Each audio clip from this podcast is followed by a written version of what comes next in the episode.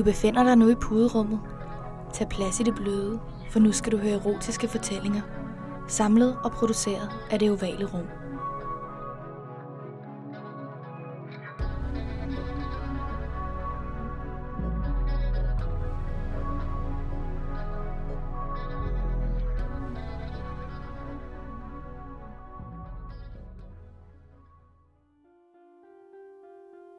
Konditoriet lå i den fjerne ende af det lille torv og havde gule og hvidstribede markiser over de tre brede vinduer ud mod gaden.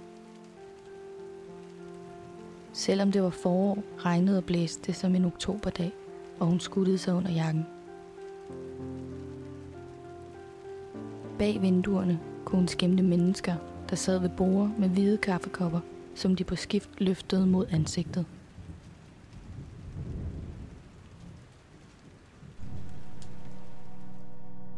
Hun skridtede over pladsen, imens hun pakkede kortet over byen ned i tasken. Da glasdøren åbnede, ringede en lille klokke. En mand og en dame stod i kø og pegede på skift ind på glasmontren, som kastede et gyldent lys over de kager, der lå udstillet derinde. De lå der alle sammen. Klassikerne fra det franske dessertkøkken – cremede, hvide og brune nuancer, røde hembær og mørk chokolade. Manden bag disken stod i en grå trøje med et hvidt forklæde bundet rundt om livet. T-shirten afslørede hans tonede arme, der ikke var for store, men stadig markerede. Hans mørke, krøllede hår var strået tilbage og viste de høje tændinger. Tæt på de 40 gættede hun. Han kiggede op, og de fik øjenkontakt. Hans mandelformede grønne øjne gav hende kriller i maven og varme kinder. Han sendte hende et smil, og hun gengældte. Nu ventede han på hendes bestilling. En af hver, sagde hun på engelsk. De er sulten, svarede han med en tydelig fransk accent. Ja, løj hun. De kan betale senere, svarede han, da hun fumlede efter sin punkt. Han smilede igen. Et af de smil, hvor øjnene fik et funklende skær. De var sjældne og afvæbnende. Hun valgte et bord i hjørnet ved en bogreol, der foruden bøger havde marmelade, chokolade og te til salg. Så blev kagerne båret ned til hendes bord af flere omgange. Seks stykker i alt. Hun spiste på skift fra hver kage, men måtte give op. Den anmeldelse af konditoriet, hun havde læst, havde ikke løjet. Det hele var fejlfrit. Hun tog servietten og tørrede sig om munden og spejtede nervøst op mod disken og manden ved kasseapparatet. Han betjente stadig kunder, og hun havde ikke bemærket, om han kiggede på hende. Hun fandt sin bog frem fra tasken. Hun læste langsomt og trak tiden, imens der blev færre og færre kunder ved cafébordene. Hun var ved at vende en side i bogen, og havde ikke set ham komme ned til sit bord. De kan ikke lide kagerne, mademoiselle, lød det fra ham. Hun kiggede forskrækket op på ham. Hun kunne ikke høre på hans accent, om han var alvorlig eller spøgende. Øh, ja, fremstammede hun. Han afbrød hende grinende. Selvfølgelig kunne du ikke spise dem alle sammen. Det er de færreste, der kan spise mere end en. De var virkelig lækre. Er det dig, der laver dem? Spurgte hun interesseret. Ja, det er mig, der har kreeret dem, svarede han og begyndte at tørre de omkringliggende borer af. Jeg er på jagt efter nye kageoplevelser at skrive om. Jeg er madanmelder for et kvindemagasin, sagde hun og mærkede sin kinderbluse. Så er du kommet til det helt rigtige sted i Paris. Jeg har mit eget kagelaboratorium nede i kælderen. Jeg lukker snart butikken. Hvis det bliver lidt længere, så kan jeg vise dig det. Jo, det... ja, stammede hun. Han smilede bredt og blinkede til hende. Hun vidste, at forbløffelsen stod malet i hendes ansigt. Han gik op mod disken, og hun kunne ikke undgå at lægge mærke til hans stramme, sorte jeans, der markerede en fast røv. Hun tog notesblokken frem og forsøgte at skrive stikord til den anmeldelse, hun senere ville skrive om konditoriet. Den sidste kunde bandt sit tørklæde om halsen, knappede jakken, vinkede og gik. Dørens klokke klingede ud, og det før så støjende konditori var nu helt stille.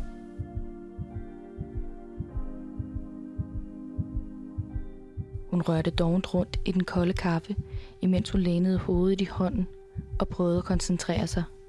Men hendes puls bankede alt for hurtigt, og enhver bevægelse, han lavede op bag disken, var hun opmærksom på. Jeg har tid nu, kaldte han ned til hende. Hun rejste sig fra stolen og gik op imod ham. Kom med, sagde han og åbnede en dør, hvor en trappe førte ned. Pas på trinene. Hun holdt vejret, imens hun stum bevægede sig ned mod kælderen sammen med ham.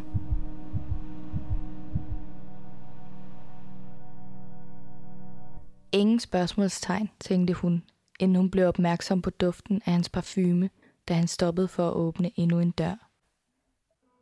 Wow, udbrød hun og betragtede rummet med store øjne.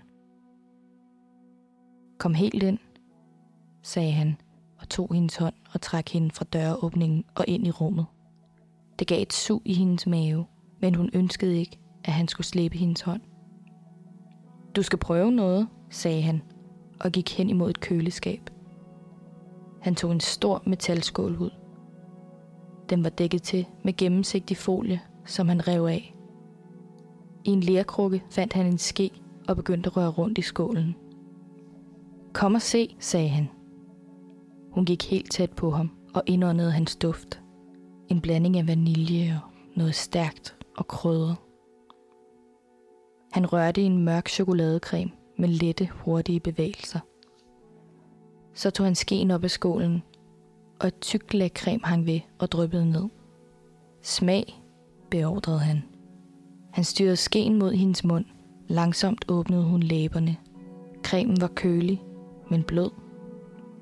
Den smagte af chokolade, men på en helt ny måde. Ikke som de tonsvis af plader, hun havde kørt ned derhjemme i sengen. Hun spærrede overrasket øjnene op og slikkede læberne rene. Han lå af hendes udtryk. Godt, ikke? sagde han. Hun sank. Jo, rigtig godt.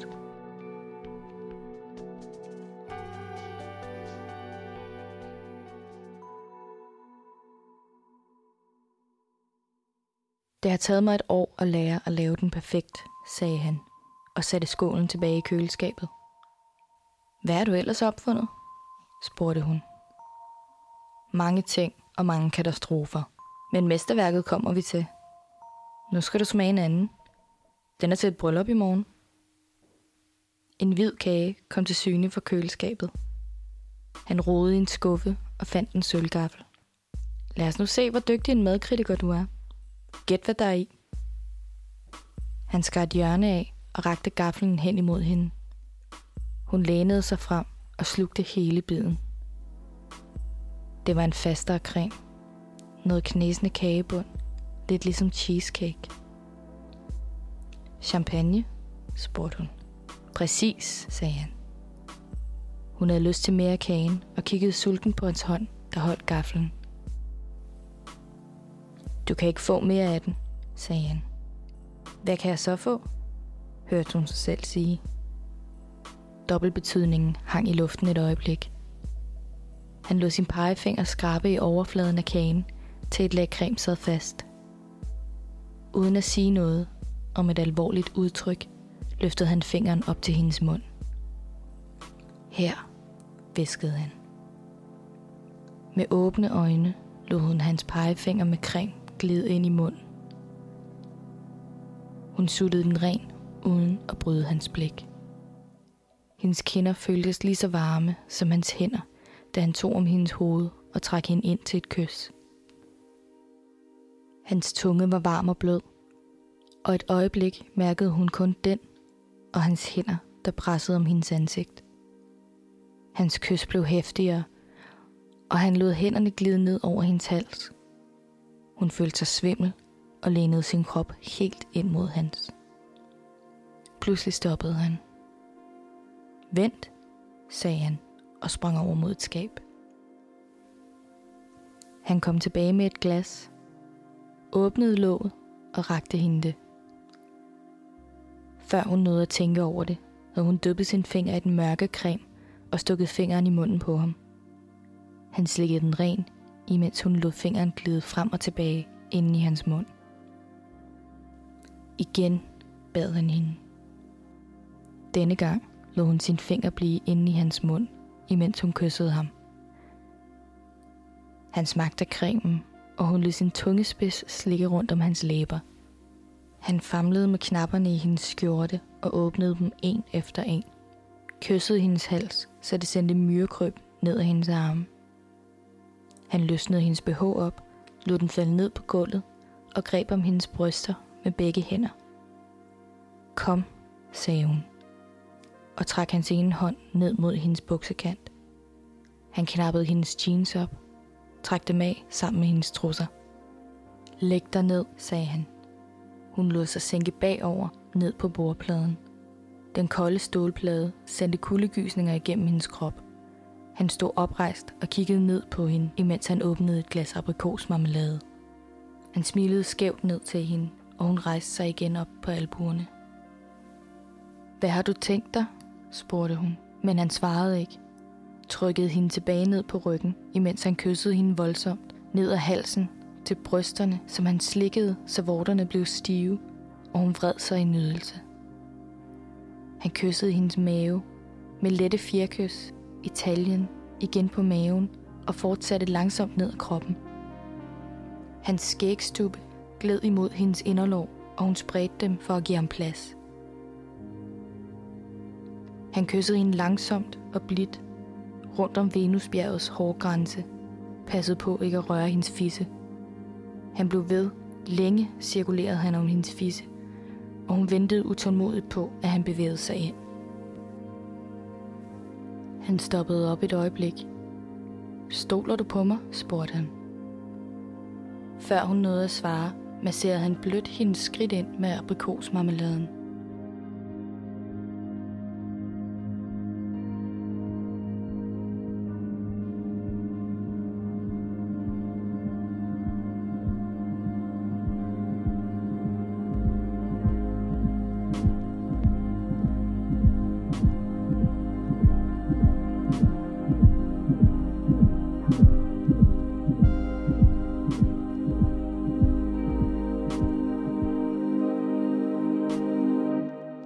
Forløsningen.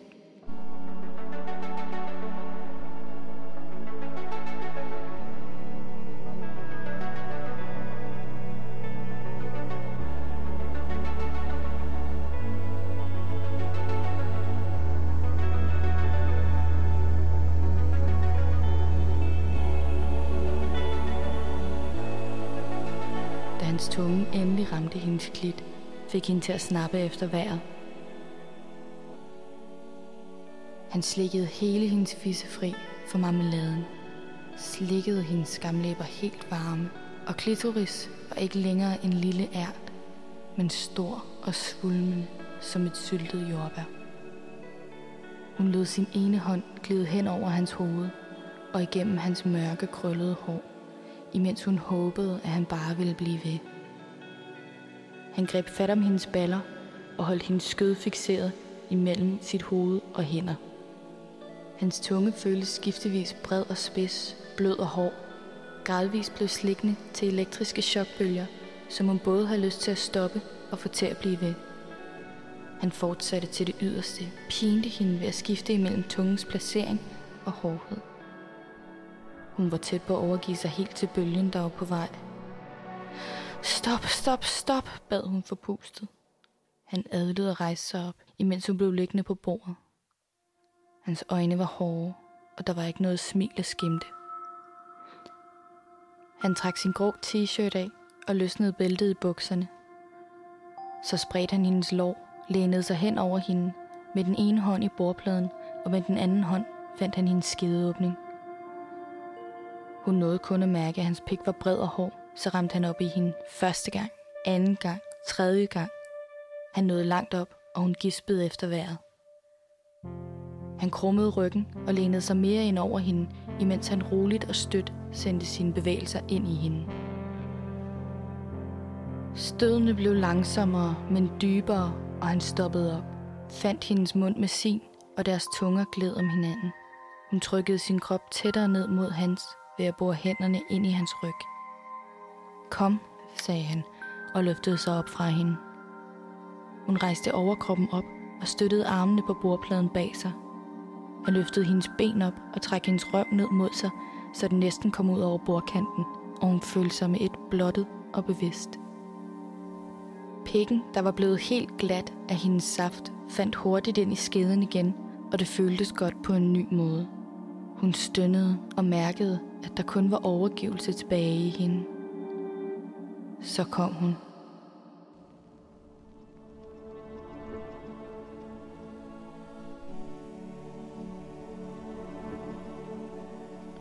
Så hårdt, at hendes skede krampede flere gange om hans pik, og de hæv begge efter vejret.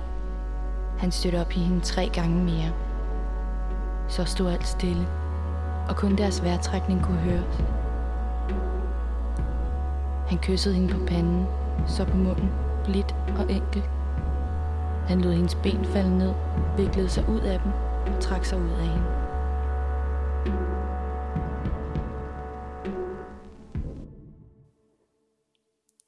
Lukkede glasdøren bag sig, og konditoriets klokke ringede for sidste gang, var det blevet mørkt i gaden. Vinden blæste endnu koldere end før. Hun bandt jakkens bånd stramt om sig og bukkede kraven op til ørerne. Da hun slikkede sig om munden, fangede hendes tunge en rest af chokoladesmag. Tre uger senere trykte redaktionen hendes anmeldelse med titlen Mesterværket i Paris.